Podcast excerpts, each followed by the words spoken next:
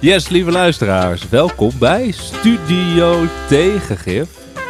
Wouter, Aflevering aflevering 107, Wimar.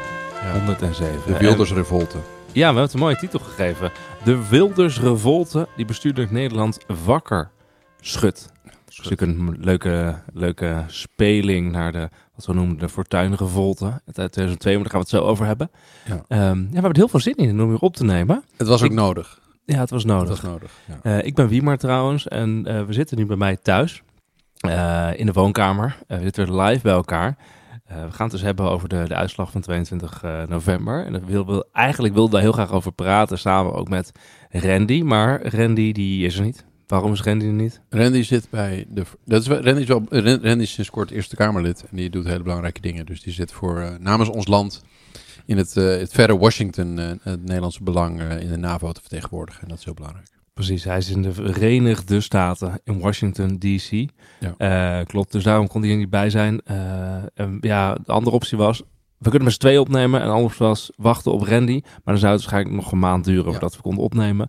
En aangezien Wouter eh, elke dag een hele rant in de WhatsApp gooide over dit, over dat, heb je dat gelezen, moeten we nu toch echt even opnemen. Want er is wel heel wat gebeurd. En we hebben een structuur. We hebben een structuur dat er geen gekte van de week is. Nee, En we gaan gek van het jaar. gekke van het jaar is dit. En we gaan eigenlijk drie dingen bespreken, namelijk ja, die eh, Tweede Kamerverkiezingen van 22 november en de uitslag. Eén, Wat is er gebeurd? Wat is er gebeurd? Dat is een goede vraag.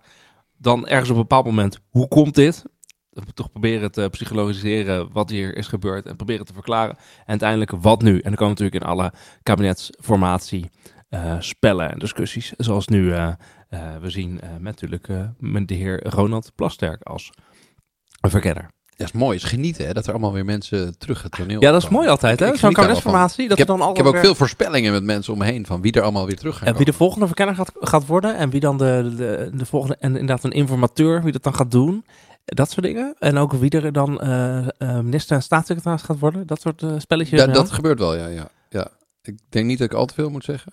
Maar ik heb wel in een paar gremia... Ik, ik heb mijn geld gezet op, op, op Rita Verdonk. Ik denk dat die terug gaat komen. Denk je dat IJzer Rita Ik terugkomt? denk dat IJzer Rita terugkomt. Ik denk dat de tijd daar is. Ja, dat Nederland nog niet klaar voor Rita was eh, in het verleden. Maar eh, Ah, precies, precies. in, in, in de Haagse gemeenteraad had ze ook heel veel voorkeurstemmen. Ja. Eh, en dat is natuurlijk vanuit Wilders de, de, de, de perfecte comeback tegen Mark Rutte. Om degene die hem ooit bijna voor het VVD-leiderschap eh, verslagen had. Ah, krijgen we Eh, premier Verdonk. Nou, dat, dat, dat, dat Nee? denk ik niet. Maar, eh, Ja, hey, ik- maar ik moet ook even een paar huishoudelijke mededelingen Oh, eh, ja, eh, voordat we direct helemaal losgaan. Ehm, deze aflevering werd mede mogelijk gemaakt met de ondersteuning van Wim Brons van remotepodcast.nl. Dus zelfs al zitten we bij Wimar, worden we geholpen door Wim Brons. Als je een mooie podcast wil maken, bel dan of stuur een berichtje naar remotepodcast.nl. En ja, we hebben net wel ook met, de, deze Met Wim gebeld. Met Wim Bron ja, hebben we, gebeld. moesten, en, we moesten het geluid en- even uitdraaien. en we geluid even uitrijden. We hebben net een kwartier met Wim gepraat over de uitslag van deze verkiezingen en hoe het Ja, kan duiden. Maakt veel los. En Ja, maakt veel los. ehm, wil je ons steunen, dan kan dat via vriendvandeshow.nl slash studio-tegengif. En er zijn nog steeds mensen die dat doen. En ik wil ook even eentje dingetje noemen. Ehm, ik heb twee mensen gehad, die stuurden mij een screenshot van hun Spotify Wrapped. Weet je wat dat is? Dat is wat je Ik aan heb geen flauw idee. Nee, heb je geen Spotify? Ik heb een Spotify. Gaat er dan eens gerapt worden? Oh, ja, nee, dus niet, niet dat dergelijk een rap. Je, dat klinkt echt hele oude mensen. Nee, rap, dat wil zeggen je jaar samengevat. En dan krijg je Ja, rap, hoeveel minuten je naar eh, het, eh, van alles geluisterd. Maar die stuur, eh, één iemand stuurde mij bijvoorbeeld een screenshot. Ik snapte maar wat. En die had dit jaar twee, eh 2359 minuten naar Studio Tegengif geluisterd. Ah, Dat is ongeveer 40 uur. Ja. Ehm, en die stuurde mij dat. En wij waren zijn meest beluisterde eh, eh, eh, muzikant. En wat zegt dat? Ja, ik weet niet, ik vond het best heftig. Ja, Als ik iemand mij dat, iemand die ik goed ken, ik denk van, ja, ik heb 40 uur naar jullie zitten luisteren. Ah ja, precies. Ehm, Oké. Dat is leuk. Die persoon wilde niet, denk ik, dat ik die noem, maar eh, Ik dank niet voor het dat het goed is voor hem of haar. Ja. Ehm, laten we naar ons onderwerp. Ja, weet je, ik heb trouwens eh, even persoonlijke dingen. Ik heb dus nu twee kinderen.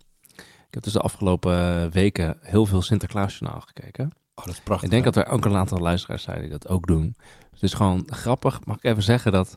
dan heb je dus elke dag, heb je dus inderdaad eh 10 minuten, kwartiertje, zo'n aflevering. Wordt natuurlijk van tevoren gemaakt. Ehm, maar dat is dus helemaal in de thema van eh, verkiezingen, maar vooral ook grote leiders die vertrekken. Dus een hele grote toespeling op, eh, op, op Mark Rutte. Eh, en Sinterklaas was weg. En er moest een nieuwe Sinterklaas gekozen worden. En iedereen mocht stemmen. Er was ook stemmen of de Pieten wel of niet ook cadeautjes mochten krijgen. De schoen Ehm, een schoen mochten zetten. En dat dan ouders die, die schoen weer moesten gaan vullen en zo.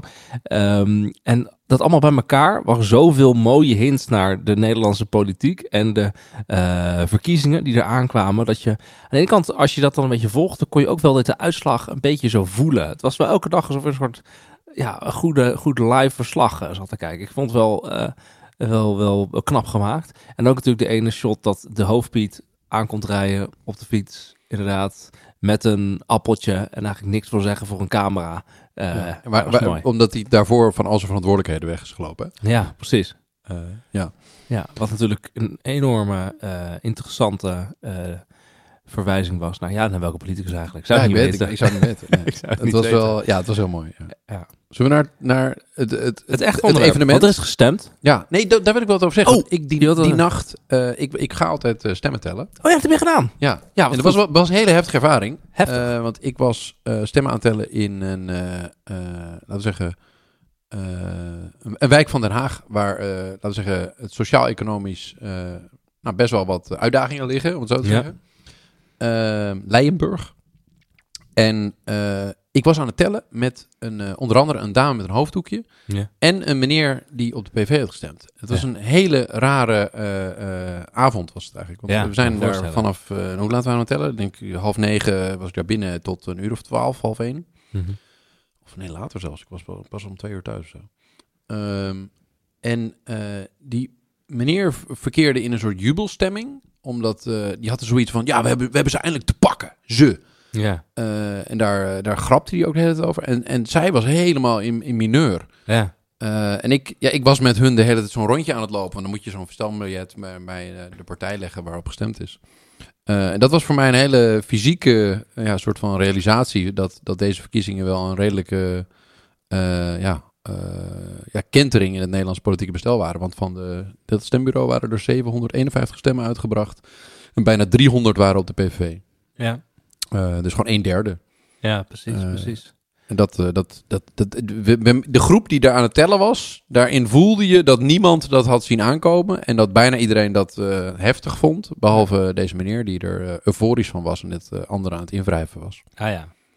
Ja, ik ja, hoorde van andere mensen dat die aan het stemmen waren. En, en iemand die aan het stemmen was in een locatie waar vooral heel veel GroenLinks PvdA was gestemd.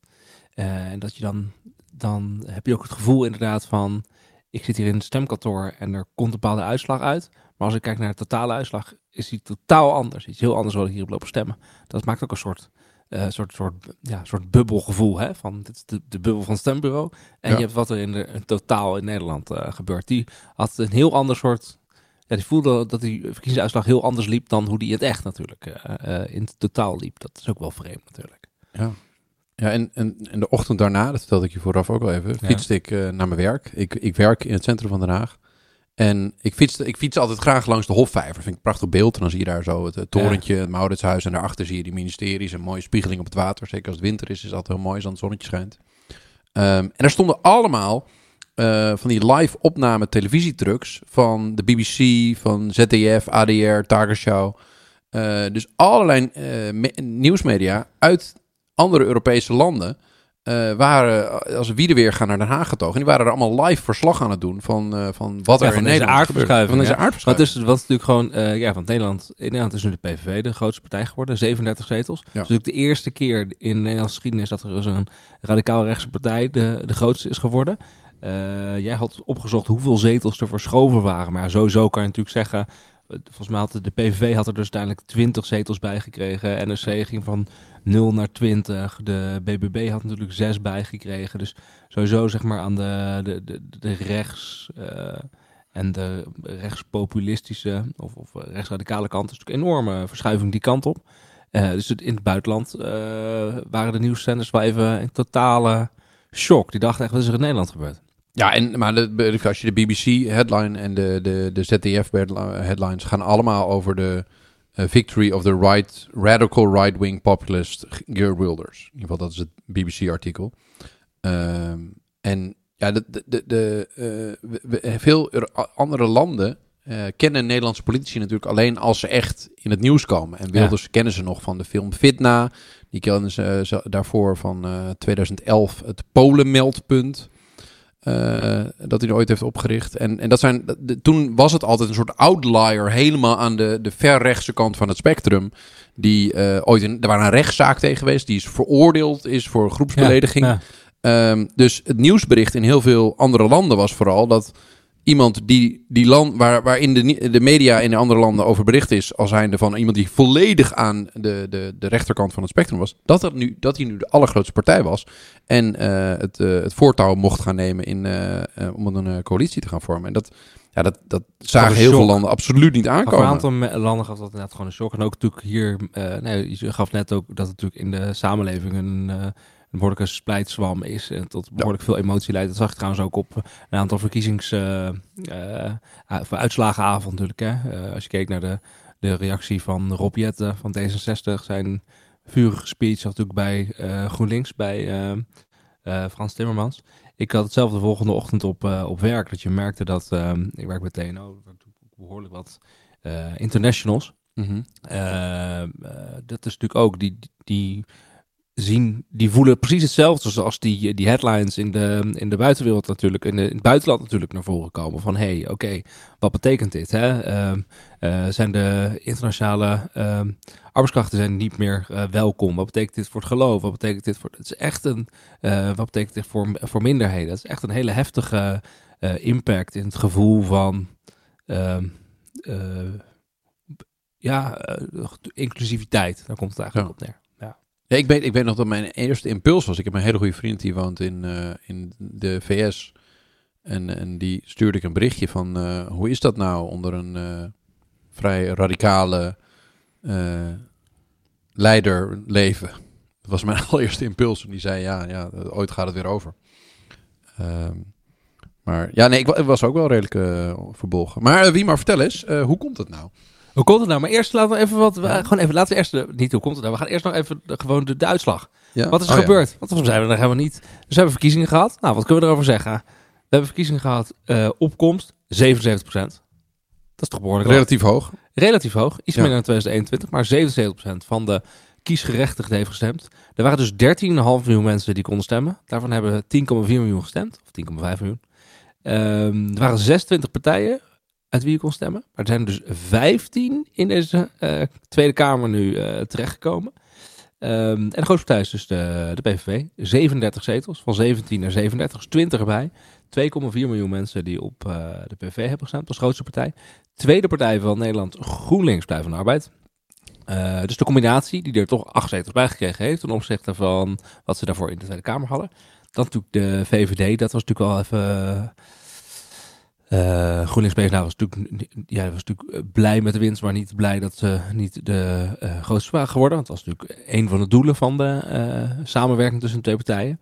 Bij de VVD hebben de wissel van Rutte naar eh Jezilkus, dat, was, Mhm. dat leek eigenlijk heel goed te gaan, de peiling, hè? VVD redelijk stabiel, Relatief ze goed, deed ja. het goed eigenlijk wel tot denk ik twee weken voor de verkiezingen, verkiezingsdatum. Ging eigenlijk best wel oké.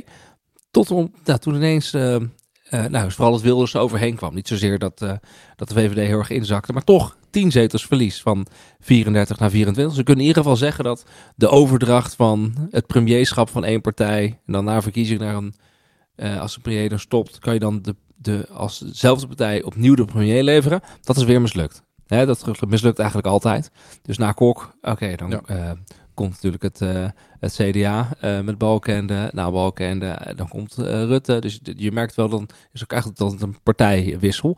Dat hebben we eerder ook gezegd in deze podcast. Als Ja. Rutte ermee stopt, dan gaat er een politieke explosie, een, een explosie komen in het politieke landschap. Nou, dat is duidelijk gekomen, om maar zo te zeggen. Ehm, en natuurlijk de, het nieuw sociaal contract van Pieter Omzicht van 0 naar 20. 20, ja. Dat is toch al 20 erbij uit niks, hè? Dat is wel echt ongelooflijk. Ja, dat is eigenlijk ook onderdeel van de hele aardverschuiving. Ja, dat is onderdeel van de revolte, om het zo te zeggen. Ja. En bij Pieter Omzicht dacht je vooral aan het einde, die begon, was wat onduidelijk over het premierschap. Hè? Terwijl je dacht, ja, als hij vanaf het begin zegt, ik wil premier worden, eh, dan, eh, en hij houdt die lijn vast, had hij het waarschijnlijk eh, toch wat beter gedaan. Want de, de mensen begonnen natuurlijk toch wel wat te twijfelen, denk ik. Van, is, is hij een uh, Wilhelm premierskandidaat? Is hij premier? Uh, Weet ik niet wie, maar dat is een soort counterfactual history waar je nooit... Nee, maar je zag hem.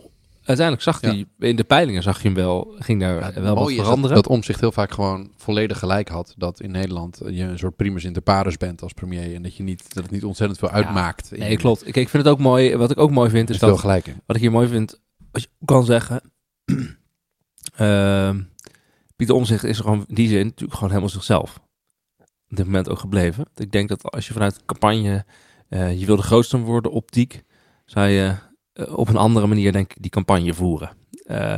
Uh, dus dat, dat, want dan, had je gewoon net eigenlijk als die andere partijen, had je heel snel een premierskandidaat naar voren geschoven. Je waarschijnlijk zelf gedaan. Dan had je dat ook vastgehouden. En dat had denk ik anders uitgepakt in de, in de beeldvorming. Nou, en de, de BBB, toch naar 7. Hè? Dus van 1 naar 7, 6 erbij. Ook een grote winnaar. Ja. Uh, niet zoveel als bij de Eerste Kamerverkiezingen enige maanden terug, maar toch groot. En D66 van 24 naar 9. Dat is wel een dikke knauw. 15 het CDA? zetels eraf. Ja, en het CDA natuurlijk naar 5. Van ja. 15 naar 5. Min 10. Dat is natuurlijk... En de ChristenUnie van uh, 5 naar 3. Ook min 2. Ja. Dus je ziet dat natuurlijk... Ja, PVV, NSC, BBB. Het is duidelijk dat die uh, vissen bij, bij CDA en de ChristenUnie. En um, ja, GroenLinks PvdA, die vist dan bij D66. Dat is heel duidelijk dat daar uh, wat wordt weggehaald. Dat hebben we eerder gezegd, maar deze verkiezingen zijn niet alleen, denk ik, voor even de, de Wilders, uh, of de, de, de, de Geert Milders revolt, om het zo te zeggen. Maar het staat volgens mij ook voor, um, dat is de, de, de stromingen sociaaldemocratie. Liberalisme. En, nou, vooral christendemocratie. En dus inderdaad ook het liberalisme. Die zijn nu niet meer de grootste. Maar was altijd één van hen de grootste. Op dit moment is de eerste verkiezingen dat dus uh, het radicaal rechtse of het populistische, dat het grootste, de grootste partij is in Nederland.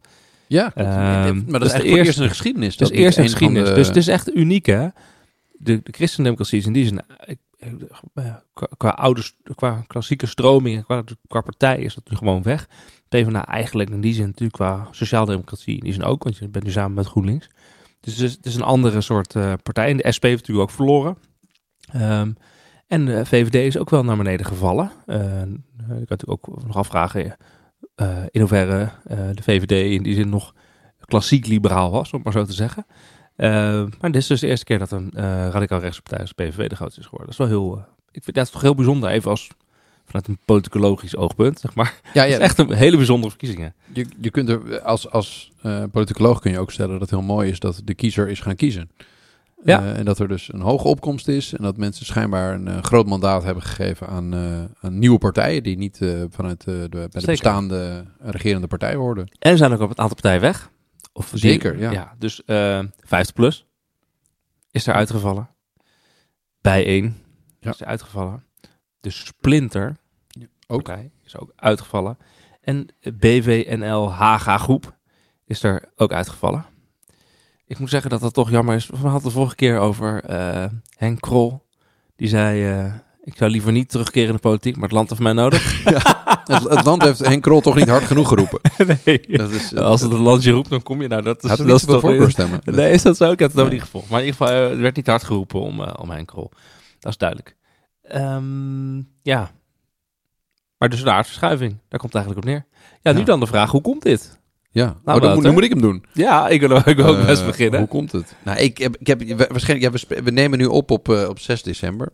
We hebben heel veel analyses dus gezien. We, we, we hebben ook bewust eventjes gewacht, want anders dan zaten we nog heel erg in de emotie en in de, veel, de, de, de, de, de, de vroegtijdige duiding van de wedstrijd. Ehm, Of, of Randy kon gewoon niet. of, of, of Randy eh, Dat een eh, spreekverbod. Ehm, nee, ik, ik denk dat er zijn twee hoofdlijnen in, in alle kritieken die, die ik gelezen heb. Eén is ehm, dat eh, de progressieve kant van het spectrum eigenlijk niet genoeg een samenhangend verhaal had. Ehm, en dat de Wilders eigenlijk degene was die het beste. en laat ik het zo samenvatten. Ik eh, ken een aantal mensen die PV gestemd hebben om me heen. En heb ik bijna allemaal gevraagd van, goh, wat, wat beweeg, beweeg jij nou? En eh, hoe komt dat? Gewoon proberen niet te oordelen, maar gewoon te Ja. vragen van, goh, waarom doe je dat? Ehm, en de, de samenvatting van waarom die mensen PV stemmen is... het is een puinzooi en hij zegt dat het best. Ehm, en ik denk dat dat eigenlijk best een goede samenvatting is. En de, veel van de analyses gaan over dat ehm, politieke verhaal dat Wilders vertelde, waarin hij veel mensen in geraakt heeft, is een soort nostalgisch verhaal. Waarbij hij stelt, eh, zoals zijn, zijn verkiezingsleus was, Nederland op één. Eigenlijk het is een soort van Ja. America First, maar dan Nederland op één. Eh, dus hij belooft controle over je leven. Want ik ga voor u strijden. En ik ga strijden voor de echte Nederlanders. Die ehm, willen dat Nederland weer voor de Nederlanders is. En hij schetst een soort eh, beeld van een verleden. Waarvan veel progressieve mensen zeggen: ja, dat is helemaal nooit geweest. Waarbij je volledig de baas in eigen land bent. Controle over je grenzen hebt. Niet naar de EU hoeft te luisteren. ehm, de dingen Mhm. die je fijn vindt eh, weer betaalbaar zijn. Ja. Ehm, eh, zorg voor iedereen er is. Ehm, dus hij schetst een soort simpel eh, wereldbeeld. Terwijl aan de andere kant van het spectrum vaak een heel genuanceerd, complex beeld is ontstaan. En wanneer er grote groepen zijn die met alle. Nou, we hebben het in onze Maar podcast. ik denk ook dat het, want ik, ik kan heel erg ver een heel eind in meegaan. In de zin van, het is ook een soort, ehm, we noemden het, de, de titel was ook eh, de, de Wilders Revolte. die bestuurlijk Nederland wakker schudt. Het is ook in die zin, het, ook echt, eh, je, het is ook een soort, het is ook een reactie eigenlijk op bestuurlijk Absoluut. Nederland. Hè? En dat, vond dat vind ik dus heel interessant, van het, het, het moeilijke, complexe, bestuurlijke, een beetje technocratische verhaal. Dat krijgt een weerwoord tegen, ja, een, een eh, volk tegen elite, redelijk simpel verhaal, ook duidelijk. eh, eh, ja, dat, dat, dat slaat aan. Het doet ook heel erg denken aan een regeerperiode waarin de politieke verschillen zijn afgenomen. En dan Mhm. de wissel van de macht. Dus in die zin lijkt natuurlijk op de paarse kabinetten. Twee keer Kok, VVD, PvdA, D60 met elkaar in kabinet. Links-rechts verschillen nemen daardoor eigenlijk af. Volgens krijg je een discussie eh, over de puinhopen van Paars Ja. van natuurlijk Fortuyn. Met eigenlijk een eh, meer populistisch, of je zou kunnen zeggen radicaal rechts programma. Eh, en die wordt daardoor heel groot. En hier zie je dat ook een beetje. 13 jaar Rutte, of, of er heel veel verschillende partijen met elkaar samengewerkt. Van links tot rechts, progressief en conservatief. Waardoor de politieke verschillen eigenlijk in het, in het bestuurlijke politieke midden, om het zo te zeggen. Of eigenlijk gewoon de, de bestuurlijke politieke partijen. Dat het heel erg eigenlijk afgenomen is. In ieder geval gepercipieerd heel erg afgenomen. Gepercipieerd De- heel erg de- de afgenomen is. het als, ja, is allemaal één, één En dan, ja, en dan komt er een. eh, dan gaan mensen uiteindelijk een tegenstem geven op het moment dat er een leiderschapswissel is.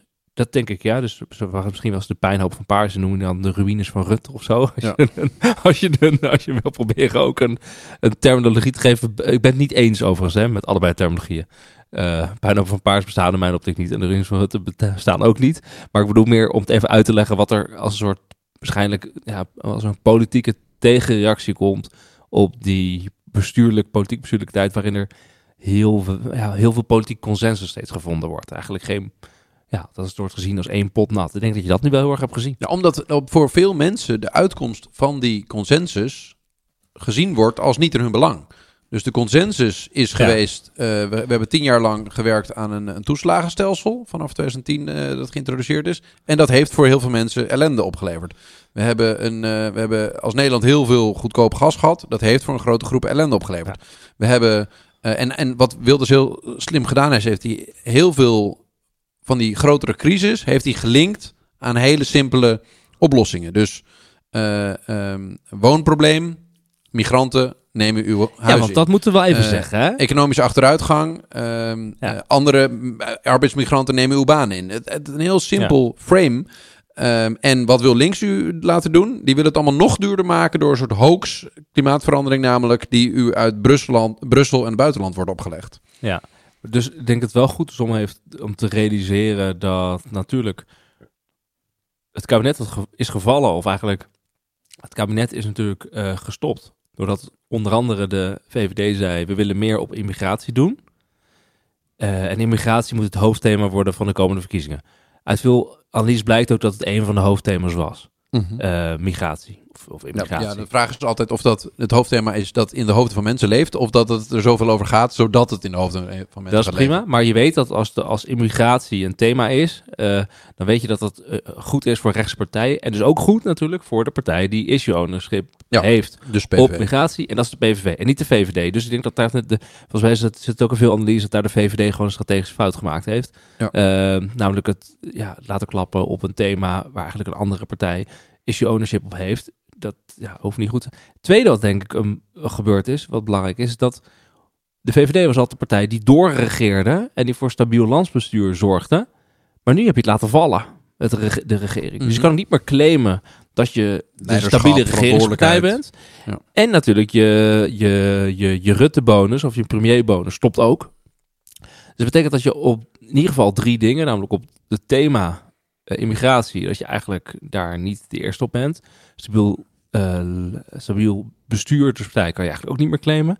De leider is weg, dus daar heb je ook een leiderschapswissel.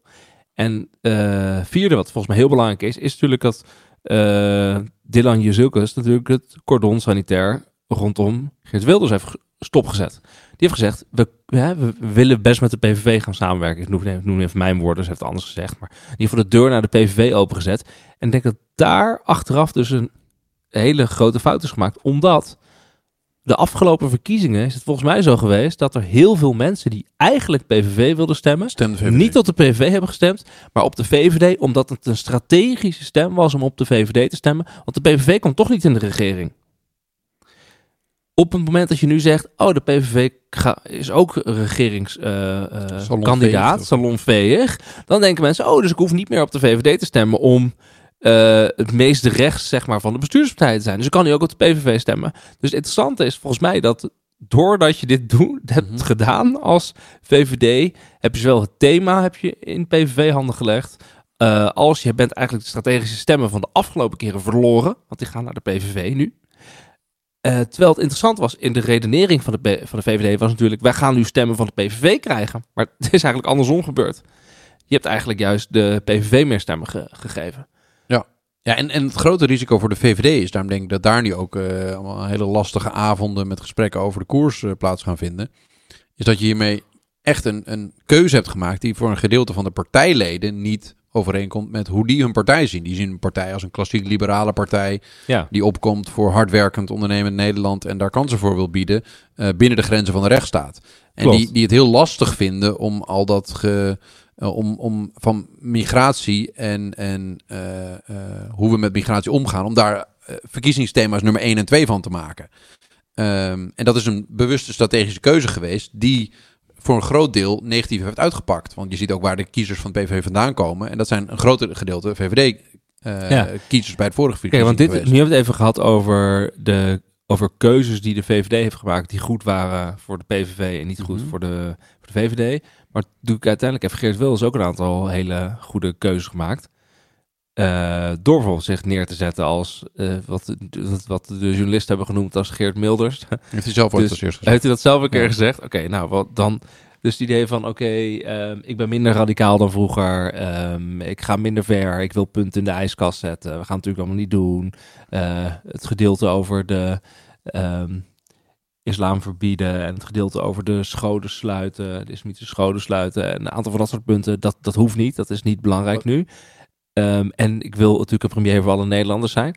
Eh, je kan- nog zeggen wat je wil en of het geloofwaardig is, maar in ieder geval voor een aantal mensen was het wel geloofwaardig, blijkbaar. Mhm. Ehm, en er was natuurlijk, dat denk ik dat ook wel meegespeeld. Het afgelopen jaar is ook heel vaak gezegd, hij is de Nestor van de Tweede Kamer. Hè? Hij zit er het langst. Ja. En je ziet ook gewoon, hij is de, in die zin de meest senior persoon nu natuurlijk, nu Rutte weg is. Dus de, de persoon met de meeste bekendheid.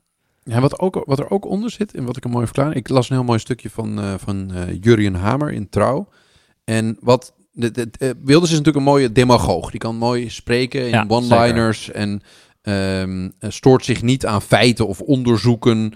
en schuift alle problemen die je, je in je leven kunt hebben... in de voeten van de vreemdeling, de progressieve elite... of de Brusselse technocraat die jij niet kent en niet voor jou strijdt.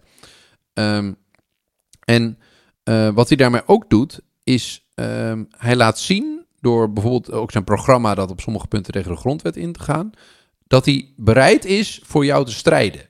En Wilders is natuurlijk ooit veroordeeld. Wilders leeft Ja. al 14 jaar in eh, volledige beveiliging, omdat hij structureel bereid wordt.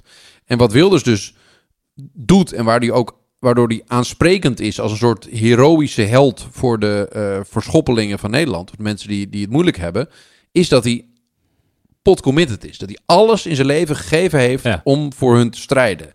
Ehm, waar die anderen allemaal rijke elite met, eh met eh plusjeplakkers, zoals hij het noemt, en, en De wachtgelden. wachtgelden, precies. Timmermans. vangers. ehm, laat hij zien van ik, ik heb niks anders in mijn leven. Ik heb alles gegeven en ook zelfs de grondwet, maakt me niet uit. Ik doe alles voor jullie. Ja. Ehm, en ik denk dat daar bij veel mensen die dus al die crisis op zich afgevuurd hebben zien worden en die het vertrouwen in de staat heel veel Ja. verloren hebben. Ehm, dat laat ook veel kiezers onderzoeken. Dat niet altijd die pure anti-islam of anti-migratieretoriek het is, maar vooral de eh, anti-establishment eh, stem, dat Wilders die volledig heeft weten te vatten. Ja. Ehm, en, En, wat ik denk ook dat, wat is, eh, volgens mij, is ook een belangrijk, is dat we hebben eh 2,4 miljoen mensen op de PVV. Ja. Het is absoluut niet zo dat ehm, al de mensen die op eh, de PVV hebben gestemd, dat die allemaal iets hebben tegen de, tegen de godsdienst islam. Of dat die allemaal scholen willen sluiten, islamitische scholen willen sluiten, of noem het dan maar op. Dat die de radicale dingen van het programma willen. Ehm, ze- ik denk dat er zijn ook heel veel mensen, die zag je ook in alle interviews, die zeggen, nou dat hoeft allemaal niet. Daar Nee, hebben we nee, niet over gestemd. Dat hoeft niet. Hè. Dus- anders. Moet dus wel dat is, dat is natuurlijk het vreemde wat er gebeurt. In de, de, het PV wordt heel groot. Je ziet bij GroenLinks, PvdA en D66 meteen de reactie. ehm, eh, uitsluiting en eh, eh, racisme, godsdienst, dat soort dingen. Hè? Dat, eh, eigenlijk alle mensen die op PV gestemd die hebben daarvoor gestemd. Dat, dat is niet wat er aan de hand is. Wat die, waar behoorlijk wat mensen voor hebben gestemd, is denk ik wat jij zei, het verhaal van eh, de Nederlander op één, wat niet denk ik dus dat dat is niet in die zin racistische eh, of, of anti-godsdienst of eh, eh, idee wat je bij mensen aanspreekt. Ik moest namelijk heel erg denken aan, je hebt in Amerika als je het boek van een socioloog, eigenlijk een onderzoek van Charlie Hochschild, ik goed zeg. Hebben we eerder besproken in Ja, volgens mij podcast. Hebben we eerder in de podcast Strangers in Their Own Land. En dat is een fantastisch boek. Kan, moet iedereen lezen. Dus ze is dus socioloog. Ze heeft dus eh, een behoorlijk lange periode doorgebracht in eh, Louisiana. Louisiana. En ze komt zelf uit Berkeley. Dus ze is eigenlijk van een liberale staat naar een meer conservative eh, gebied gegaan. Eh, heel, heel kort? Ja. Aflevering 88. Waarom is Nederland toch zo boos? Hebben we Oh, ook besproken. nou, dat, dat is, Ja. nou, daar kwam dit dus ook. Ja. En het, het mooie wat zij, dus daar, eh, wat zij dus daar vindt, als we met alle mensen gepraat, is dat ze zeggen van, oké, bij ons eh, is de, zijn zeker economische overwegingen. Dus de, Mhm. de industrie is weggegaan, ehm, eh, internationale concurrentie, dus er is hier gewoon minder werkgelegenheid. Dus de Banen minder. Banen, we, banen weg, is allemaal minder. Maar dat is niet hetgene wat we komen. We, redden ons wel. We komen rond. Dat is niet het probleem. We, we zijn een, samenleving, een community. We redden ons wel. Waar we ons echt boos om kunnen maken, is wat ze dan noemden eh, cutting in line. Dus de, de, in, de, in de rij vorderingen. Ehm, namelijk dat je ziet, het, in ieder geval het gevoel er is bij die mensen. Ja, wij zitten, we staan in de rij van het leven, we werken hard en we proberen vooruit te komen. En het gaat over nou, een baan vinden, het gaat over een eh, Opleiding. eh, opleiding krijgen, het gaat over een huis voor mijn kinderen krijgen, het gaat om een verbetering in mijn leven, het gaat om een vaste baan, het gaat om... eh, en we zien dat er andere mensen ehm, voor komen, lang, voor langskomen. En die komen er langs omdat ze een duwtje krijgen van, in hun ogen, die bestuurlijke, politiek bestuurlijke elite. Door een bepaald voorkeursbeleid of een bepaald voorrangsbeleid. Ehm, en ik denk dat dat het gevoel is wat hier ook heel erg aan de grondslag ligt. Namelijk de discussie over. Ik denk dat het Wilders dat natuurlijk heel goed deed in het debat. Was het SBSS, het woningdebat. Over de huizen, tekort op de woningmarkt. De wachtrijen voor de sociale huurwoningen. Dat hij dat, dat is heel erg gekoppeld aan. Ja, de Nederlander staat er niet op eerst. Want er komen allemaal andere eh, eh, mensen krijgen voorrang. Ja. Ik- dat is een hele eh, heftige emotie die je volgens mij daarmee oproept. Eh want ze roept bij mensen vooral op: kan ik gelijke kansen? Krijgen mijn eigen kinderen gelijke kansen? Is het nog maar het, het, En- het, het en dus dat is mensen is het rechtvaardigheidsgevoel. Ja, dat is het. Het is, het is rechtvaardigheid. Het is een fairnessgevoel. En dat is denk ik heel goed om te, om te onthouden of om te begrijpen. En ik denk dat ze eigenlijk dat dat dus niet goed begrepen wordt. Door uh, een, in ieder geval een aanzienlijke deel van het kader van GroenLinks, PvdA en D66. Die hebben niet door dat het een heel diep uh, rechtvaardigheidsgevoel is, waardoor mensen op de PV hebben gestemd. Uh, ja, en dat. en ik denk dat in die zin, ja, Wilders heeft dat wel door. Die snapt dat wel. En die maakt daar ook inderdaad een politiek verhaal omheen. Je kan zeggen dat het feitelijk allemaal niet uh, 100% klopt. En misschien zelfs minder. Behoorlijk veel niet. hè? Soms niet het feit zeggen, niet feit overheen. Maar het appelleren op het rechtvaardigheidsgevoel, daar gaat het vooral om. Daar uh, heeft hij gewoon, daar, daar heeft heel veel mensen mee bereikt. En tegelijkertijd door inderdaad wel een wat uh, meer middenverhaal te vertellen. Hij is meer naar het midden geschoven eigenlijk. Um, en de andere partijen hebben, in ieder geval de VVD, heeft natuurlijk ook gewoon uh, positie gegeven. Die hebben gezegd, ja, hij is nu weer salonveeg. En heeft eigenlijk geen fout gemaakt in de campagne. Ik bedoel, ik kan ook ja. gewoon met bewondering kijken naar hoe het als politicus gedaan heeft. Hij heeft eigenlijk geen fout gemaakt in de campagne. In de debat. Of in de, dat ja. vond ik ook heftig. Ik zat vaak die debatten te kijken. En dan, uh, ik heb mezelf echt gedwongen om dat hele SBS6-debat uit te zetten. Ja. Um, en dan uh, met mijn vrouw trouwens. En die zei dan van ja, ik vind Wilders toch wel de, de sterkste debater. En dan werd ik helemaal pissig van ja, maar wat hij nu zegt, dat is onmogelijk en het klopt niet. Feitelijk, ja, maar zij zegt maar ja, maar hij zegt het wel het best. Ja. Um, en nog even over Strangers in Their Own Land. Um, wat, wat die Hochschild er ook bij haalt, is dat het niet alleen maar migranten zijn, maar uh, die dus cutting the line, die dus voordringen in het rechtvaardigheidsgevoel dat uh, de, de traditionele Southerners hebben in Amerika, of de, de, de Tea Party mensen. Uh, maar het zijn ook alle verhalen wat in Amerika dan wokeness is gaan heten. Dus de, uh, de hoogopgeleide, um, uh, soms, soms ook dat identiteitspolitiek, dat, dat, dat er kansen worden geboden voor mensen, voor homoseksuelen of, of lesbiennes. Um, waar, waarbij mensen het gevoel krijgen, en dat hoeft niet echt zo te zijn, maar het was in ieder geval aangepraat van hoe kan het dat allerlei groepen opeens extra kansen lijken te krijgen. En, en ik steeds verder naar achter wordt gedrongen. En ik denk dat dat inderdaad ook wel een reden is die, uh, of in ieder geval een gevoel dat bij veel Nederlanders heerst. Ja, en die, die, die, dat wij-zij creëren, ja. dat doet elke politieke partij. Hè? Dus ja, de populist ook... doet het het meest. Want de populist, populist creëert altijd een gevoel ja, tussen maar... een denkbeeldige elite en het echte rechtvaardige volk. Ja, maar uh, we hebben het eerder gehad over de campagne van de VVD.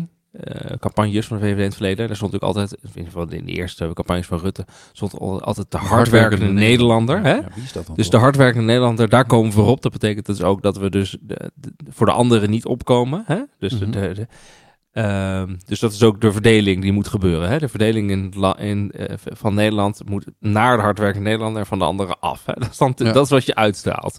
En dat is natuurlijk eigenlijk, nu was de campagne in de VVD, uh, was dat aan uw kant, was dat het? Uh, aan jouw kant. Aan jouw kant. Ja. Hè, dus aan jouw kant. Dus aan jouw kant betekent ook dat er een andere kant is. Van de ander is ook een wij gevoel. Ja. Alleen er zat dus geen uh, Nederlandse identiteit meer. Mm-hmm. Wilders heeft die Nederlandse identiteit wel in zijn campagne gebruikt. Namelijk... Uh, Nederland op zet, één. Zet de Nederlander weer op één. Ik vind het dus zo fascinerend om daar zo naar te kijken. Want dan zie je dus gewoon dat een identiteit gebruiken, een Nederlandse identiteit gebruiken. En zo ook inderdaad de volgorde op één... Uh, dat, dat dat gewoon. Ja, dat, Weet dat je waar ik me nog steeds altijd over verbaas? Dat de retorisch zo goed werkt. Wat ik ook nog zeggen, dat, dat in Nederland gaan verkiezingen eigenlijk altijd over binnenlands beleid. Ja. Um, en daarin zijn we, dat vind ik fascinerend, dat als je in, in Frankrijk of de UK of in Duitsland, is het heel belangrijk om een uh, wereldwijd geaccepteerd politicus te zijn. Of leiderschap te tonen en op het wereldtoneel te acteren. Dat ne Nederland dat, boeit het echt ne Nederlanders interesseert dat echt de roze. Nee, of, jij, of jij bij de G20 bent en of jij gesprekken hebt met, met de president van nee, de Verenigde Staten. Met, uh, met, boeit ze uh, helemaal niet. Frans Timmermans die in Malaga ging voor een ja, internationale conferentie. Hoezo, hoezo is hij niet in, in kampen of in, in elk ander land? In elk, ja, in elk ander land denk je, wow... Ja. Een, een, een, Hij is de een leider, leider van de Sociaaldemocraten leider, in, in, leider Europa. van de Sociaaldemocraten in Europa. Dat is iemand met, met enorm statuur. Dat is iemand die Nederland goed gaat vertegenwoordigen in het buitenland. Maar in Nederland Nee, denken we nou, ja, je, je, moet gewoon een Almelo komen. Ja, precies. En dat dat is fascinerend. En ook je ziet dat. ehm, eh, wat, wat vooraf een beetje terugkwam, is het, eh, het Israël-Palestina-conflict, de oorlog in Oek- Oekraïne. Ja, bijna niks staan. Hoor je bijna. eh, eh, eh, daar, daar waren de partijen het ook wel grotendeels over eens, over investeringen in defensie. Ja, maar Denk heeft het ook niet gewonnen. Nee, klopt. Zijn ook, uh, dus, dus je zou verwachten dat, denk, uh, vanwege, uh, vanwege dat, dat Gaza, hoe heet het nu? Hoe noem je het nu? Gaza-conflict, ja, Gaza-oorlog. Nou, nee, uh, volgens mij het Palest nee, het Israël-Hamas-conflict in de Gaza-strook. Okay. Ja. ja, sorry. Ja. Nou, Oké, maar de, in ieder geval, dat heeft inderdaad in die, in die zin geen stemmen geleverd uh, voor de voor de voor Denk. Het was een hele harde lijn hè, daar. Hè, van, uh, ja. Als enige totaal tegen Israël. VVD en uh, PV waren allebei full swing voor Israël. Met Israëlse vlaggen en alles. Hè. Maar het is toch fascinerend dat in het, het land dat, dat schijnbaar binnen de EU het meest afhankelijk is van import en export. We zijn de meest open economie van de EU. Ja. Um, gaat de discussie enkel en alleen over nationaal beleid. En wint een partij die in het programma heeft staan dat ze uit de EU willen stappen. Ja, maar wij zijn, in die zin denken we gewoon dat het allemaal aan onszelf ligt. Ja, dat, dat is komt niet door de EU dat wij uh, heel goed handelsland zijn. Dat we heel nee, veel in het buitenland verdienen. en dat we heel veel exporteren. En dat we... Dat komt gewoon onszelf. Dat komt niet door de EU, denk je nou. Nee, nee, ik maak een grapje. Ja, nee, maar dat, maar het dat is, wat, dat is wat, is, wat er bij heel veel mensen speelt. Ja, en, en uh, ik denk dat er bij heel veel... Dus, en je ziet ook een onwijs scherpe, hoger opgeleid, lager opgeleid scheiding door deze hele verkiezingen lopen. Je ziet... Ja, maar toch zag je nu bij de PVV dat het behoorlijk gelijkmatig was. Dus je kan bij deze, bij deze uitslag, ik, heb, ik moet even dan de cijfers opzoeken, ja. maar je kan niet, uh, je kon niet meer zeggen, uh, zoals in het verleden wel, oh, ah, alleen, wordt dan alleen uh, praktisch gescholden uit bepaalde gebieden hebben op de BV gestemd. Het was niet echt heel gelijkmatig door Nederland. Ehm, natuurlijk nog wel qua, bijvoorbeeld, ik vond het wel een interessante analyse. Iemand die zei, die hebben meer mensen met een, uh, als je kijkt naar opleidingsniveau, met de hoogste opleidingsniveaus op, uh, uh, op de PV gestemd dan op D66. Met een hoog opleidingsniveau? Ja.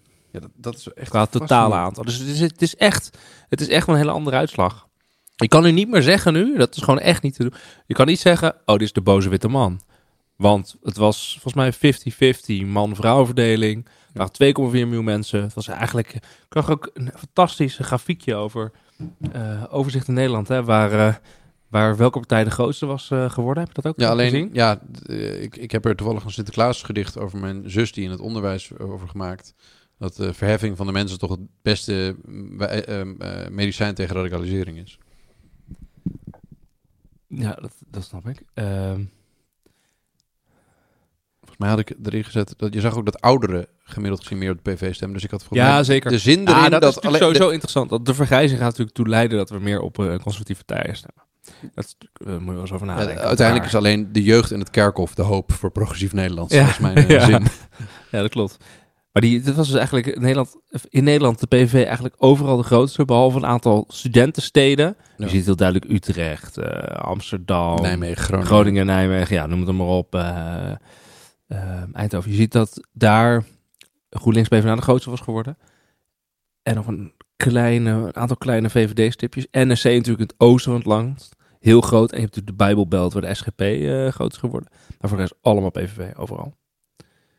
Ik vond het een fascinerende kaart. En je ziet dus dat, dit, er wordt nu ge, Josse de Voogd zegt dat nu, hè, dat er een green belt is in het midden van Nederland. Mm -hmm. Waar de, uh, eigenlijk de, de, de studentensteden, uh, de meer cosmopolieten, de hoogopgeleiden geconcentreerd in de grote steden. Uh, met dus een universiteit, dat die dus inderdaad veel meer GroenLinks en nu dus GroenLinks PvdA stemmen. Mm -hmm. Dat zie je ook wel terug in deze cijfertjes. Nou ja. Ja. En nou, ik, ik wil eigenlijk nog even naar een andere, want we waren bezig met het vraagstuk van hoe komt dit nou precies wat hier gestemd is. Ja. En uh, volgens mij moet je altijd eventjes wachten uh, tot uh, de, de as van de, de korte termijn duiding is neergedaald. Mm -hmm. En ik werd heel enthousiast dat het, het rapport dat ik wist dat zou komen, eindelijk is uitgekomen. dat is het WRR-rapport GRIP, het maatschappelijke belang ah, ja, die wilde ik heel graag Ja, die wilde ik heel graag ja, noemen. Die is vorige week uitgekomen. En um, voor mij bood dit eigenlijk nog meer duiding bij uh, die uh, verkiezingsuitslag.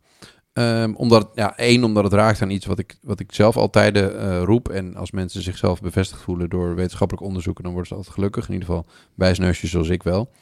Um, maar wat de, wat de WRR heeft gedaan, hebben een heel mooi rapport geschreven over het maatschappelijk belang van het gevoel van controle over je leven.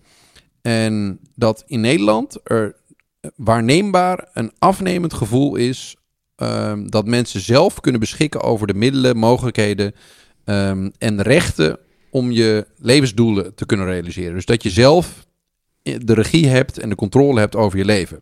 Zowel op economisch gebied als op het gebied tussen jouw relatie met de overheid, als op het gebied qua ontwikkeling. Dat mensen het gevoel hebben dat ze zelf in controle zijn. Dat je dus zelf Ja. kunt bepalen of het goed met je gaat. Dat je zelf keuzes kunt maken. Ehm, en wat ze ook constateren is dat er een directe link is ehm, tussen het gevoel van grip ervaren, dus dat je in controle bent over je leven, en gezondheidsproblemen, psychologische problemen, eerder overlijden, ehm, maatschappelijke onbehagen en wat ik denk ook dat om even hierop in te gaan en het idee dat je grip hebt. En ik denk dus dat uiteindelijk is dit ook een soort verlaten rekening van eh, grote bezuinigingen onder Rutte-kabinetten. Mhm. eh, op eh, publieke diensten die gewoon waarop bezuinigd is. Ja. Waar meer gedigitaliseerd moest worden, waardoor de afstand tussen burger en de overheid veel groter is geworden. Mensen minder grip op de overheid, op de overheidsdienst hebben, zijn gaan ervaren. Ik denk dat dat, dat dat zeker heeft meegespeeld in deze verkiezingen. En ook denk ik dus inderdaad, ehm, ehm, nou ja, overheidsbeleid op het gebied van huisvesting. Ehm, ik denk ook de, de, de extra heffingen die op de sociale huurwoningen zijn geheven in de Rutte-jaren. Er is minder gebouwd, er is minder... Dus gewoon dat er nu een woning, zo weinig woningen zijn gebouwd na de Rutte-jaren. Ja, dat heeft één, heeft één van de, is één van de effecten eh, daarvan is nu die discussies over hoe lang is de wachtlijst voor sociale woningbouw. Hoeveel huur moet Mhm. ik betalen? Of heb ik, kan, kunnen mijn kind in een huis wonen? Dat heeft daar natuurlijk mee te maken. Ja. Het is, een, het is alleen nu een soort verlaat effect dat je nu ziet, oh, dat heeft tot heel veel onvrede geleid. geleid. Ja, en nu kan je, kon je op de PVV stemmen. Ja, En dus ik, ik wil niet doen, even voordat we, Mm. de, we de- ik denk zeker dat er een hele duidelijke economische, eh, economische ondergrond is voor deze uitslag van de verkiezingen. En ook Mhm. inderdaad dat bezuiniging op publieke dienst, dat die een hele duidelijke reden zijn geweest waarom Ja. mensen eh, naar de PVV zijn gegaan. Ja, en, en dat dat gevoel van het verlies van controle over je leven dus veel breder lijkt te leven. Ehm, en dat het, vooral het gevoel van het niet meer hebben van eh, controle over de mogelijkheden om te stijgen op die sociale ladder. Ja. Ehm, dat mensen dus het gevoel krijgen van ik kan nog Ja, hard gaan werken in mijn gaat leven. Over, dit is het verhaal van de, van de, van de rij. Ja, van de van rij. het Van de ladder of van de rij, hoe je het noemen. eh, de rij Ja, van ik, dus ik kan doen wat ik niet wil, omhoog. maar de Ja. staat is er niet voor mij. En de, de economische kansen worden mij langzaam afgenomen. En er zijn andere groepen die of eh, eh, uit de hoogopgeleide elite uit de stad komen... ehm, of uit minderheden die, die nu eventjes aan de beurt zijn. In ieder geval heb ik niet meer zelf de controle om mijn leven, leven in te richten zoals ik dat zou willen.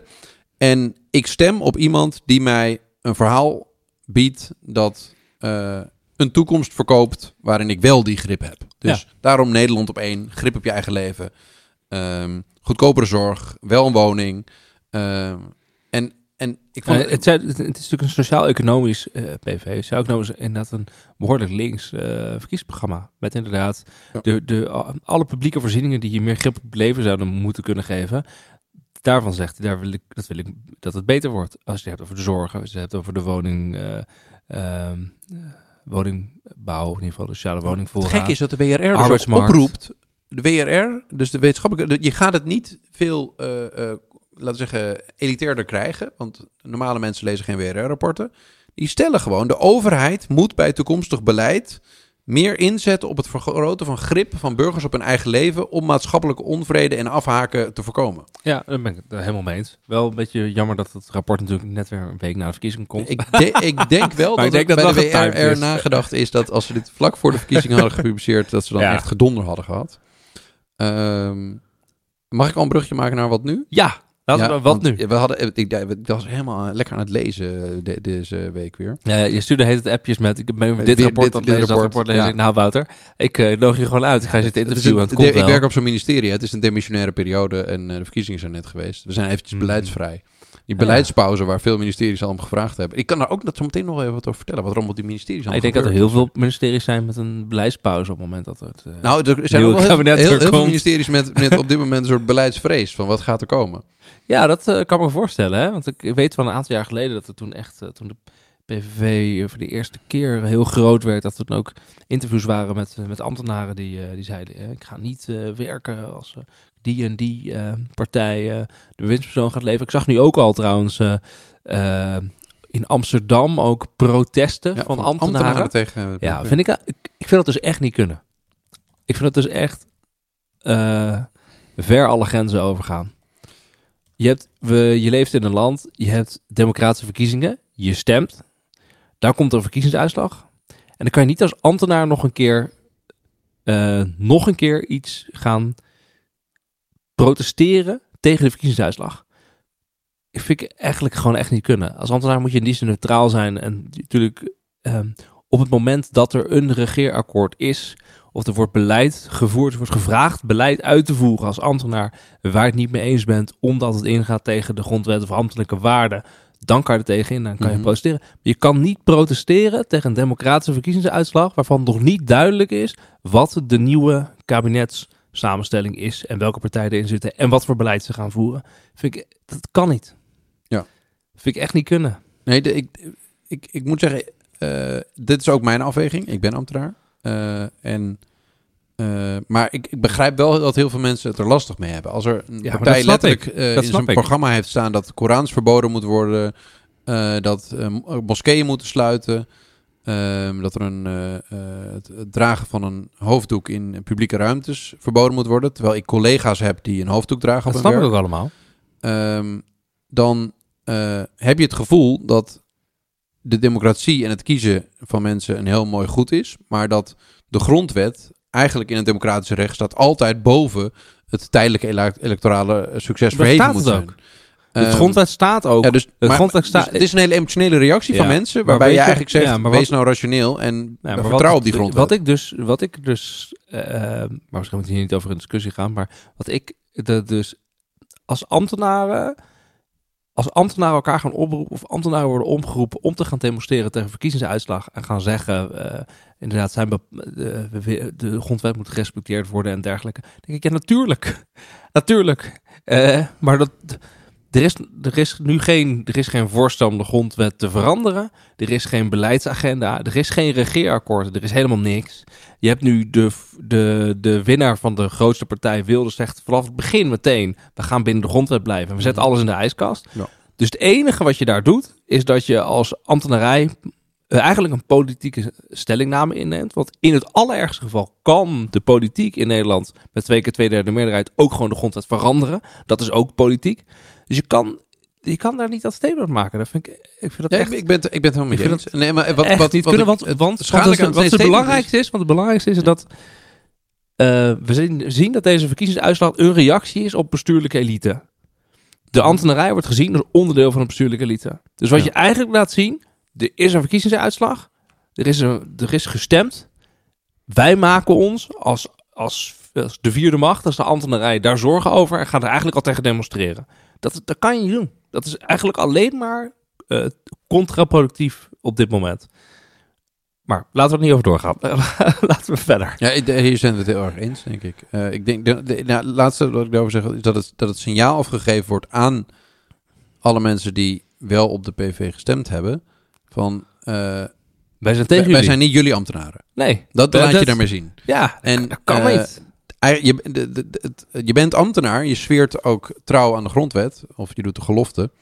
Ehm, Maar dat doen alle Kamerleden ook. voor- hebben alle Kamerleden je- vandaag Precies. Je, als je Kamerlid bent, beloof je dat je trouwens weer, in ieder geval dat je de grondwet zult eh, eerbiedigen. Ehm, en dat doe je als ambtenaar ook. Dus de- ik, ik snap dat het daarmee wringt. Ik ga nu een brug proberen te bouwen waar ik eigenlijk naartoe wil. Het gaan we doen. Want ik had nog een prachtig essay gelezen. Ehm, nou, dit vindt Wiemar mooi, want Wiemar komt uiteindelijk altijd bij het CPB uit als eh, wel een soort put van oneindige wijsheid. Ik heb laatst eh, toch heel veel SCP-rapporten ook al te le- lezen. Ook- ja, die heb je ook wel. Ja, dat Ja, klopt. ja. Ja. Die, die eh, hebben trouwens ook veel over grip geschreven. Ehm, de, want de WR de WRR citeert dus heel veel. Maar eh, Pieter Hazekamp is de directeur van het CPB. Ook een oud ambtenaar, oud DG bij eh, Financiën. Eh, en hoogleraar economie. Die schreef een fantastisch hoogleraar essay. economie? 66. Ja, hij is ook eh, hoogleraar economie volgens mij. Echt? Ja. Hij heeft prof voor zijn naam, dan zal wel hoogleraar zijn. Hij heeft economie gestudeerd. Dus het lijkt me raar als je dan opeens een hoogleraar iets anders Hij is dokter. Hij is geen hoogleraar, toch? Is dat zo? Volgens mij is hij geen hoogleraar. Ja, maar Gaan we nou over dit soort dingen? Nou ja. Zal- ja, nee, sorry. Ik, zal- zal- ik, eh, alles van harte gefeliciteerd, maar ik wist het al niet. Nou, Pieter, kun je ons helpen? Eh, anyway, eh, hij schreef echt een prachtig essay. En ik vind het ook mooi dat de directeur van het CPB af en toe eh, zich mengt in het maatschappelijk debat. Wat aansluit op dat verhaal dat de WRR had, de Wetenschappelijke Raad voor Regeringsbeleid, over, grip. En over het maatschappelijke belang van het gevoel van grip in je leven. Wat bij heel veel Nederlanders dus de afgelopen twintig jaar is afgelomen. Ehm, want hij stelde ehm, dat waar Nederland behoefte aan heeft, is simpeler beleid. En nou, dat, dat klinkt voor mij ook als een, een fantastisch roep. Eh, ehm, en hij stelt van ja, vanuit economisch perspectief en ook vanuit maatschappelijk perspectief ziet hij onwijs veel redenen voor het volgende kabinet om zich vooral te richten op eenvoud en begrijpelijkheid van overheidshandelen. Ehm, eh, omdat de complexiteit waarmee onze maatschappij en onze overheid nu vaak geconfronteerd wordt van, van beleid. En hij noemt als voorbeeld een aantal dingen zoals de, fis- de aantal fiscale regelingen. 150 miljard aan fiscale regelingen waar het eerder over hadden. Noemt hij letterlijk inderdaad. Ja. Ja. Ehm, maar hij zegt van ja, die complexiteit gaat ten koste van de effectiviteit. Dus alle Ja. complexiteit van onze belastingregelingen, maar ook van onze sociale arrangementen. Ehm, ik, ik ken mensen die bij het UWV werken, die snappen zelfs van hun eigen wetgeving soms niet. Nee, klopt. Omdat het zo complex is met alle uitzonderingsgronden die je kunt hebben. Ehm, dus complexiteit gaat ten koste van de effectiviteit. Maar complexiteit, eh, maakt hij ook een heel goed punt, vergroot ook de ongelijkheid. Omdat mensen met meer of intellectuele vermogens of een beter netwerk of een betere opleiding, die kunnen zich laten helpen. Die huren een advocaat in, een consultant in, een fiscalist in, een subsidieadviseur, een weet ik veel, iemand die het voor ze fixt, die complexiteit. Ehm, en mensen die dat niet hebben, die zien andere mensen zich een weg banen door een web van complexiteit in overheidsregelgeving en ervaren dat zij de grip langzaam verliezen op hun leven. Eh, ik, vind, ik werk zelf in het domein van digitalisering. En digitalisering is om in sommige domeinen ook een soort ongelijkheidsmachine omdat het de belofte in zich draagt. Van hier, we hebben hier al die apparaten, smartphones, tablets en, en, en computers. En die gaan het leven makkelijker maken, want we hebben het internet. Je kunt alles met een paar knoppen regelen. Maar mensen die dat niet kunnen, ervaren... Nee, niet erop. Voor mij wordt het helemaal niet makkelijker. Wat? Ik krijg nu geen brief meer. Ik moet alles via de post, eh, via de een of andere berichtenbox doen. Of eh, ik moet belastingaangifte online doen. En dan moet ik maar geloven wat daar staat. En dan moet ik op klikken op akkoord. Ja. Eh, ik vertrouw dat niet. Mag ik zelf ook een kopie op papier in mijn, in mijn dossier doen? Nee, dat mag niet. Daar moet Nee. je voor betalen. Of dat krijgt u twee weken later. Ehm, dus, je- dus de complexiteit van het overheidsbeleid vo- gevoel, vergroot ook de- het gevoel van ongelijkheid. En ja, dan komt hij tot de conclusie, die, die Pieter, ehm, dat complexiteit eigenlijk funest is voor het vertrouwen in de overheid. Ehm, omdat eh, beleid dat eh, eh, ongelijkheid vergroot, automatisch ook het wantrouwen in de staat vergroot. Dus, dus hij spreekt eigenlijk een soort impliciete verwachting uit dat als er een kabinet komt dat over rechts gaat regeren, dat een van de belangrijkste agenda's gaat wezen om simpeler beleid, eenvoudigere arrangement- arrangementen ehm, eh, Het te ministerie organiseren. voor Simple Blad. Nou, ik, ik zou het gek is dat ik dat helemaal niet een absurd idee vind vanuit. eh, Het sluit wel aan bij eh, dat... Jij noemde net dat een, een relatief simpel politiek verhaal deze verkiezingen gewonnen heeft. Ja. Dan kan je misschien ook een relatief simpel beleid maken. Als dat allemaal wel weer barstiger zijn in de praktijk. Maar ik, ik ben benieuwd. Ik ben Ja. benieuwd. Ik vind het een hele terechte eh, oproep. eh. ja, economisch snelheid ook Overigens. Ja hoor, zeker, zeker. Dit doet me denken aan alle toeslagen discussies natuurlijk. eh. Ja, Sowieso is het idee, de- maar dan, dan gaan we... eh, Kijk, het is natuurlijk heel raar dat je als overheid zegt... dat je een bepaalde... Je wil bepaald, bedra- eh, bepaald gedrag stimuleren. Bepaald gedrag prikkelen. Met bijvoorbeeld belastingregelingen of overheidsregelingen. Of gewoon regels in het algemeen. Maar als mensen dat niet snappen... Ja, precies, Is er ook geen prikkel. En inkomensondersteuning zo onbegrijpelijk maken... dat mensen niet snappen hoe ze het aan moeten vragen... Ja, dan is het ook geen effectieve inkomensondersteuning. Dus ik snap dat allemaal. Ja, of tenzij het doel is dat het niet effectief is. En gewoon een weerwar van complexiteit, waardoor je de overheid niet snapt. Ik heb, nou, ik heb het zelf ook geregeld met allerlei dingen die we hier thuis moeten doen. met de overheid, dat ik af en toe denk, waar ben ik mee? Waar ben ik eigenlijk mee in gesprek? Wat is dat voor Ja, onneembare vest, vesting? en waar, waar het mij ook aan deed denken, is dit is een soort common ground die eh, de PVV, eh, het NSC en de BBB met elkaar delen. Ja, Maar toch is dan wel de vraag, kan het echt anders? Dus je hebt over de vraag, wat nu? Hè? Dus Nou ja, in theorie, Eh. zoals onze grote vriend Martens altijd zegt, als je het op kunt schrijven, dan kan het. Ja, maar dat is een theorie. ik weet niet hoe het in de praktijk ook, ook kan. Ehm, Ja, ja, kijk, ja, ik, ik uiteindelijk, ik, ik werk wel wat. Het is, natuurlijk wel ook een eh, recept voor teleurstelling. Hè? Op het moment dat je een heel simpel verhaal hebt en een heel simpele oplossingen hebt, eh, kan je het dan echt waarmaken in de regering? Daar ben ik wel echt heel erg benieuwd naar. Ehm, daar ben ik heel erg benieuwd naar of dat, of dat eh, gaat lukken. Ehm, de Wim Bond, Oh ja, die, die had een column gelezen die we, even moesten, die we echt moesten delen. Nou, dan komt hij Eh, toch van, terug. eh, Roland van der Vorst in het FD van vandaag. Wilders en links. Die maakt er een hele wel interessante eh, analyse. Die zegt, ja, ehm, uiteindelijk moet je als land, of om een ideaal te bereiken, moet je ook offers eh, brengen. En het interessante is dat Wilders natuurlijk zelf allerlei offers heeft gebracht voor zijn ideaal. Mhm. Voor deze politieke partij en de grootste worden. Dat heeft hij nou wel bereikt. Dat is natuurlijk eigenlijk voor hem persoonlijk. Is natuurlijk, Levensdoel is bereikt. ja, mijn levensdoel bereikt. Zo lang in de politiek. 25 jaar, nu de grootste zijn. En hij heeft heel veel offers gebracht. Maar hij vraagt eigenlijk van zijn politieke achterban. En die zien geen offers. Hij belooft alleen maar een heel mooi verhaal. Dat is natuurlijk het wel lastig. Van eh, oké, als, je, als je alleen maar het verhaal krijgt alles beter wordt. eh, gaat dat dan, ga je dan niet uiteindelijk gewoon teleurstelling eh, inbouwen? Ehm, dus de offers moeten vooral bij anderen worden neergelegd, staat er in deze column. En de vraag is natuurlijk wel van ja, hoe gaat dat dan vervolgens ja, eh, in de praktijk uitpakken? Of gaat het uitpakken als je moet onderhandelen met, eh, met, eh, met coalitiegenoten om tot een eh, regering te komen? Ja, dat is in principe toch vrij traditioneel. Dat iedere partij die beloftes doet in de vorm van een verkiezingsprogramma, die, zoals in Nederland de standaard is, gaat onderhandelen en een coalitieakkoord moet sluiten. Ja, die gaat nu- dingen die zijn, Je hebt over wat gebeurt er nu. opgeven. Kijk, toen eh, Geert Wilders gedoogsteun ging geven, of eigenlijk de PVV gedoogsteun gegeven in 2010 aan het VVD-CDA-kabinet, was het eerste punt wat Wilders liet vallen na de uitslag van de verkiezingen, was de AOW-leeftijd op 65. Om meteen te laten zien, ik wil meedoen en Ja. ik wil, eh, ik laat mijn punten vallen. Heeft natuurlijk gezegd, meteen toen hij eh, naar buiten kwam na de verkiezingsuitslag, of het was weer eens een definitieve verkiezingsuitslag, op de, op de uitslagavond. eh, over de, Toen zei hij meteen van, ehm, de rechts het kabinetsbeleid moet zich binnen de grenzen van de grondwet bevinden. Dus dat gaf hij ook aan. Ik wil binnen de grenzen van de grondwet eh, een de regering of een coalitieakkoord maken. Er gaat een gedeelte van een groot gedeelte van het programma in de koelkast, heeft hij eh, aangegeven. Hij wil een premier voor eh, iedereen zijn. En wat me de laatste periode echt opvalt, is dat de laatste keer dat hij heeft gezegd dat hij premier ging worden, was volgens mij op de ochtend na de verkiezingen, toen die taart. ehm, nee, volgens mij toen nog niet eens meer. Toen zei hij volgens mij: de PV is de grootste en gaat Ja. in de regering komen. Hij heeft eigenlijk nooit meer gezegd: ik ga premier worden. Na de, eh, van, volgens mij niet meer vanaf het moment dat, hij, dat de verkiezingsuitslag bekend werd.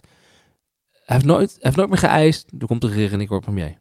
Het lijkt net ook een beetje alsof hij dat zo dat ook helemaal losgelaten heeft, omdat hij ik ook me wel afvraag: gaan de coalitiepartijen uiteindelijk ermee akkoord dat Geert Wilders premier gaat worden? Ook gelet op de buitenlandreacties hè, Ja. die je ziet. Ik ben dus heel benieuwd hoe dat. eh, misschien is het.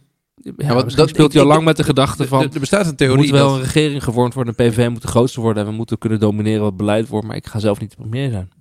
Er bestaat een theorie dat de reden dat de VVD na twee dagen uitsprak dat ze alleen voor gedoogsteun zouden gaan vanuit de Kamer, ehm, dat daar een soort strategie achter zit, omdat ze weten dat NSC en BBB alleen eh, mee kunnen doen ehm, als, de, als ze die VVD gebruiken, maar dat ze Wilders als premier wel heel heftig vinden. Ja. En dat door deze reactie het NSC zou kunnen eisen van, nou Wilders, wij kunnen alleen met jou een kabinet vormen als je als offer brengt dat de VVD de premier mag leveren. Ja, dat Eh, zou kunnen, hè? En dat da- de VVD dus daarmee eh Wilders eigenlijk onder druk zet om dat offer te maken. Ja. Dat is natuurlijk nooit bewijsbaar, want niemand zal het ooit toegeven. Eh, maar dat, dat de strategie achter het idee van alleen maar gedoogsteun willen geven is. Ja, want dat is nu het interessant wat er gebeurt. Hè? Dus de verkiezingsuitslag is er. Nu een verkenner, Ronald Plasterk. We kunnen nog even over Grom van Strien hebben, maar misschien moeten we dat gewoon niet doen. En vervolgens ehm, eh, was natuurlijk de... Er zijn nu gesprekken, en dan Ja. twee op twee gesprekjes Mhm. en zo. Maar de VVD zei meteen, we eh, willen wel een rechtse coalitie van deze vier partijen Ja, mogelijk steunen, maken. mogelijk maken. Maar niet vanuit de regering, maar vanuit een, een gedoogconstructie, of een gedoogpositie.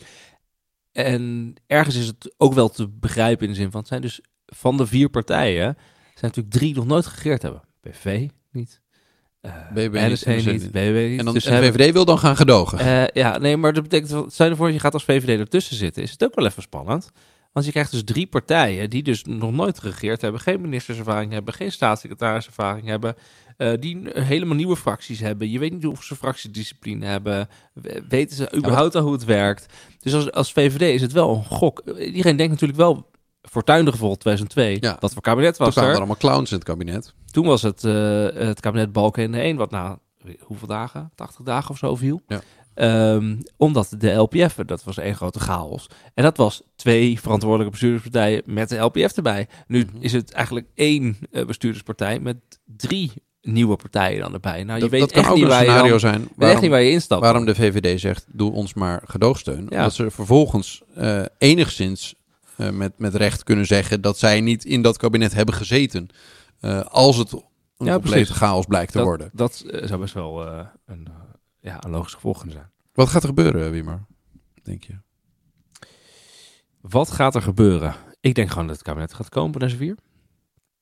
2004? Nee, Eh, van 24? deze vier. Ah, van in deze vier, 2024 denk ik dat het kabinet gaat komen van PVV, VVD, NSC en WB. Of in ieder geval een coalitie. Mhm. Ik weet niet of het, hoe het dan gaat qua gedogen. Of, weet ik dat de PVV echt alles in gaat leveren. Heel veel, echt heel veel in de koelkast gaat zetten. Dat er heel duidelijk overal opgeschreven gaat worden dat er binnen de grenzen van de grondwet is. En dat er geen godswensaanpassingen zijn, noem het dan maar op. Ehm, en dus nog even de, VV de vraag of de VVD gedoogsteun geeft of het toch ingaat. Maar ik denk uiteindelijk een, een, een coalitie van deze vier. Waarbij ik, me dus, waar ik dus echt niet zeker weet of, of Wilders dan wel de premier gaat worden. En het zou inderdaad zo kunnen zijn zomaar dat de VVD de premier levert.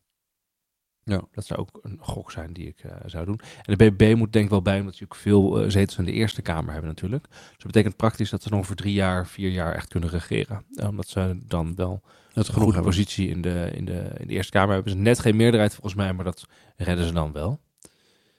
Ehm, wat eh, denk jij dat er gaat gebeuren? Nou, ik denk, eh, eh, de, mijn- optimistische ik, want ik vermoed dat ik ook heel veel gedoe van mensen die deze podcast horen gaan krijgen, die zeggen van dat wij niet genoeg benadrukken hebben dat een, een politieke ramp dit is geweest en een drama en, en, en, en noem zo maar op. Ehm, tegen die mensen zou ik willen zeggen dat ik hoop dat dit ook een soort van bewustzijn losmaakt onder iedereen dat onze democratie en onze rechtsstaat niet een gegeven is. En dat als je dat zo belangrijk vindt, dat je misschien niet alleen maar voor die verkiezingen eh, naar een SBSS-debat moet kijken en je Ja, dan druk moet maken, maar dat je lid moet worden van een politieke partij, dat je je, je in moet zetten voor een, een, de dingen die je in de maatschappij belangrijk vindt. Ehm, dus ik, ik hoop dat dit een soort van maatschappelijk bewustzijn Ja. eh, en misschien zelfs een soort solidariteit eh, losmaakt van mensen die denken, nou we zitten wel met z'n allen in dit schuitje, het is wel ons kabinet dat hier gevormd wordt en laat ze dan maar eh, goede dingen doen. Ehm, dat, dat, is wat, het- wat ik hoop dat het maatschappelijk gezien losmaakt. Wat het politiek losmaakt. Ja, ik, ik zit op zo'n ministerie en het is echt onvoorstelbaar wat, er, wat, wat ik nu zie gebeuren. Is dat, dat er worden echt vergaderingen gehouden van wat betekent dit en wat als. En wat worden allerlei scenario schetsen gedaan. Ja, Ehm, nou, bijvoorbeeld dat, eh, ja, dat kan ik wel zeggen. Dat stel, Fleur Agema wordt minister van VWS. Eh, die heeft hele eh, betwijfelbare dingen gezegd over de coronapandemie, die een lastige relatie met de werkelijkheid hebben. ja. Ehm, dat is heel ingewikkeld als je een ministerie vol mensen hebt die naar eer en geweten eh, twee jaar lang hun best hebben gedaan om zoveel mogelijk levens te redden. Ja. Ehm, dus dan snap ik ook echt wel dat mensen zich eh, bedreigd voelen in hun eh, beroepsethiek en in hun ja, snap ik integriteit. Ehm, aan de andere kant ja, moeten alle eh, mensen zich ook ja, te raden gaan van wat, wat, wat gebeurt er nou in de, in de samenhang in ons land. En, en hoe zorgen we dat de boel een beetje bij elkaar blijft en niet afgeleid naar een soort van, van, van een, een, een beeld van de Verenigde Staten waar groepen echt lijnrecht tegenover elkaar staan.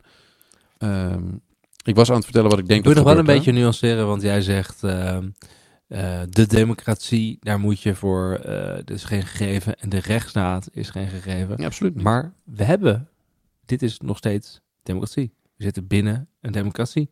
De rechtsstaat is tot nu toe niet geschonden. Dit gebeurt allemaal binnen een rechtsstaat. De vraag is vervolgens dus, gaan er in een regeerakkoord... ja. Of gaan er, eh, gaat er iets gebeuren met een nieuwe regering dat je daaraan kan twijfelen? Maar op het moment, ik denk dus zelf, Pieter Omzicht gaat niet in een regering zitten waar er inderdaad dingen met de grondwet gaan gebeuren. Of waar rechtsstatelijke issues gaan gebeuren. Ik denk dat dat allemaal in die zin... Ja, maar je Eh, kunt wel zeggen dat het meevalt, maar het is niet voor niks dat de hele wereldwijde media hierover schreeuwt. Dat een, Klopt. een veroordeeld politicus, Ik ben, dat ben ik vanwege groepsbelediging, je eh, die meerdere punten in het programma heeft staan die rechtstreeks tegen onze grondwet ingaan, eh, dat die verreweg de grootste partij is geworden. Dat, dat, dat, ik, dat, maar dat, dat betekent dus nog niet dat dat gaat gebeuren en dat, dat, dat, dat er echt daadwerkelijk aantastingen op onze grondwet plaatsvinden. Maar dat dat de grootste partij wordt, is voor heel Ja, maar veel de mensen maatschappelijke al een- impact is enorm. Ja. En de maatschappelijke zorgen daarvan zijn enorm. En de, de, de uitstraling ervan internationaal is ook gewoon eh, enorm. Dus dat Ik had ook snap mensen ik die mij allemaal. appten uit andere Ik, landen. ik heb ook allemaal. En eh, ik snap ook heel goed dat er heel veel mensen heel veel zorgen hebben. En dat mensen denken van eh, mag ik er nog wel zijn? Hoor ik er nog wel bij? Wat gaat er nu gebeuren? Dat snap ik allemaal heel erg goed. Dus ik daar. eh, Het is meer dat ik dat. ehm, de me- kijk, wat ik het lastige daaraan vind, is dat ik snap die zorgen. Maar aan de andere kant zijn er ook mensen die zoveel zorgen hadden als we het BV stemden. Of je kan ook zeggen, misschien zijn, is er dus een hele groep die de afgelopen eh, jaren dacht, we horen er niet bij. Hè, Die nu hebben, eh, eh, zo hebben gestemd. Ehm, en daar, daar, daar is, is niet dezelfde zorg over geweest dan dat er nu dan wel is. Hè? Dat, dat is hetgene wat, wat dan wel wat wrang is, om het maar Mhm. zo te zeggen. Hè?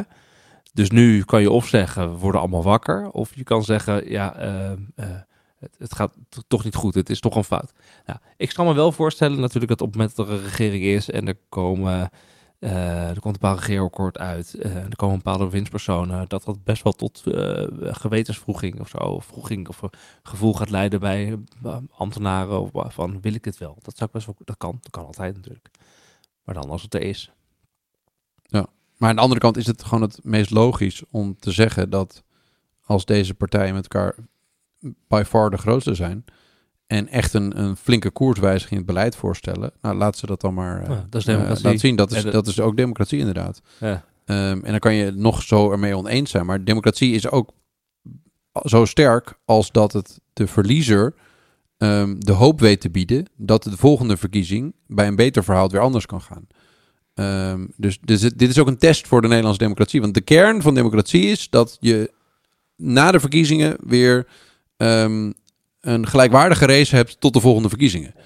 Ehm, Ja. En, dat, en dat, dat, dat maakt een democratie gelijkwaardig om beslissingen te nemen voor 100% van de mensen.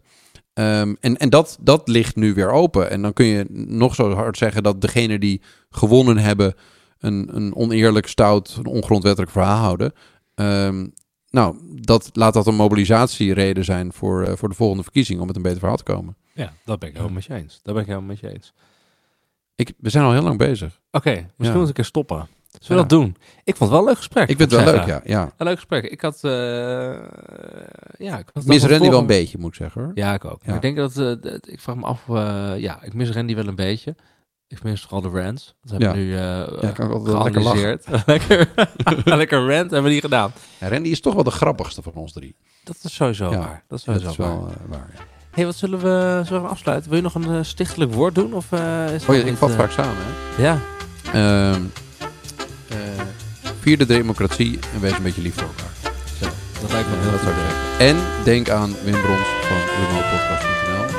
En eh dankjewel voor het luisteren. Dankjewel voor het luisteren. Tot de volgende keer. Nou, aflevering 108 Acht met Randy. met Randy. Hoi hoi.